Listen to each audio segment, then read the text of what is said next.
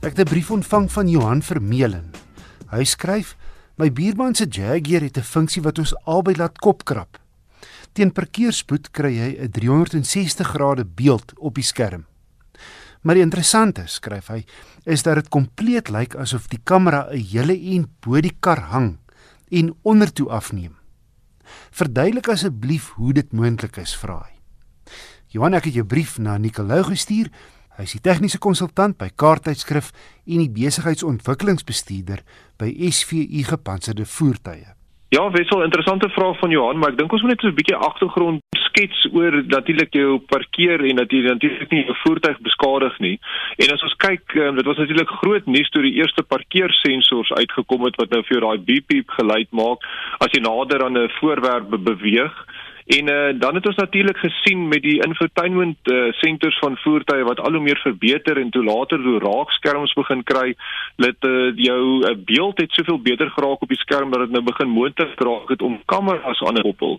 So aan die begin het ons net 'n triekkamera gehad, so dit sou een kameraatjie gewees het wat agter op die kattebak sit, gewoonlik hier bo die nommerplaat of by die kenteken van die voertuig. Maar dan as jy die trirad selekteer wat dan vir jou die beeld sal wys binne in die voertuig en dan kom jy nou mooi agteruit gery het. So wat Johan nou van praat is 'n 360 grade wat jy om die kar kan sien. Dit lyk nou amper kompleet of jy met 'n drone opgestyg het bo die voertuig en jy neem hom hier van bo af af. Maar uh, kom ons verduidelik gou hoe werk dit. Daar's 'n bietjie kulkuns betrokke, maar dit sal nou uh, duidelik wees soos ek soos ek ons aangaan.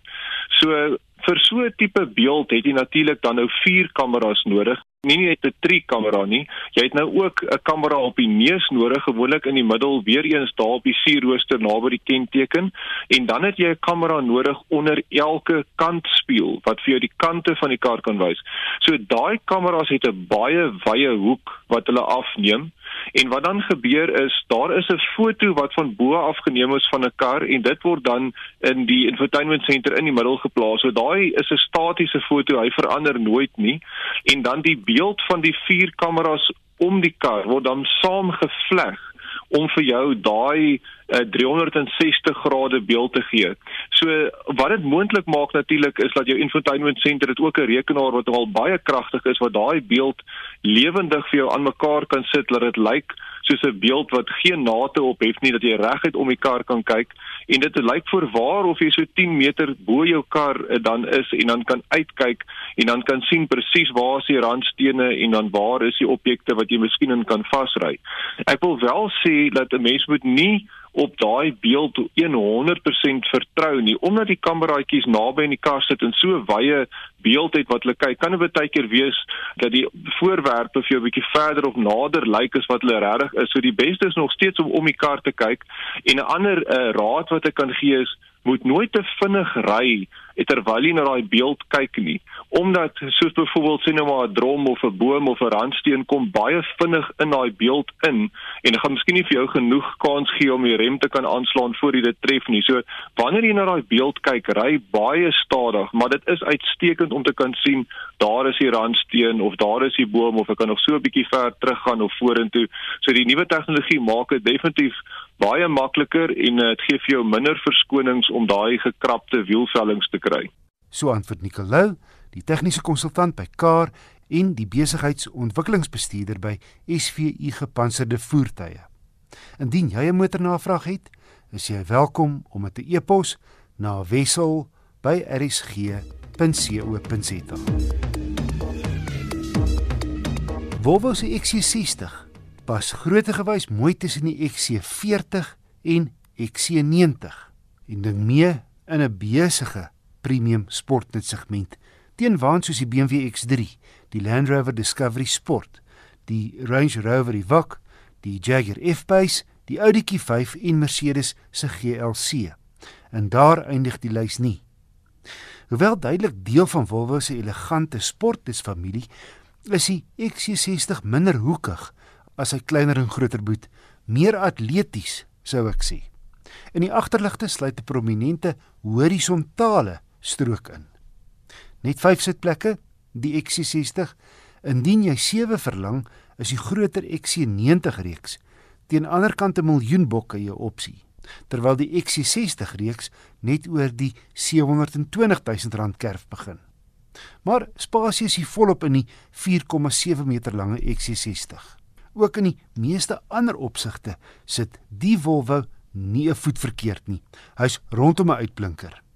En dit maak sin dat die XC60 as 2018 se wêreldmotor van die jaar aangewys is.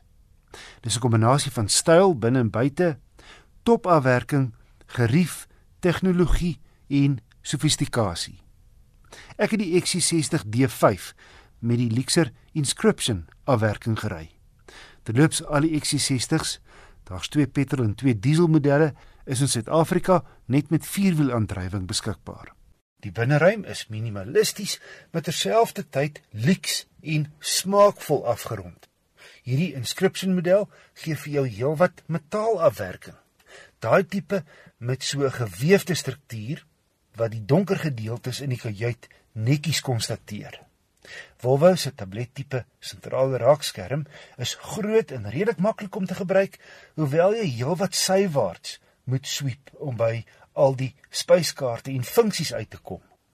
Die klimaatkontroles is ook alles digitaal en dit beteken jy haal jou oë maar van die pad af om te sien wat aangaan, anders as in die geval van gewone ou skool skakelaars.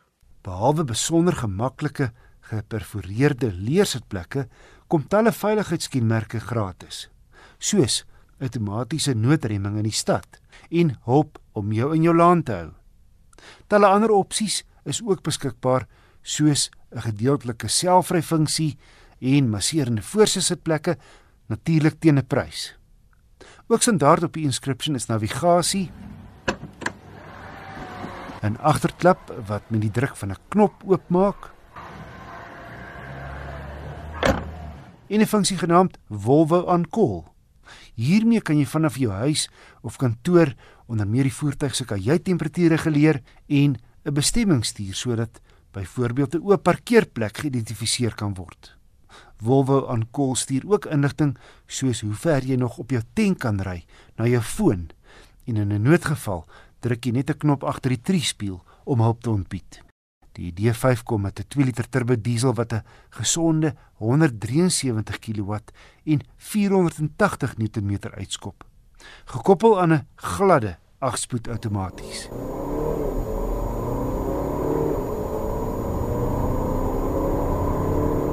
Kaartuitskrif het 0 na 108,4 sekondes afgelê.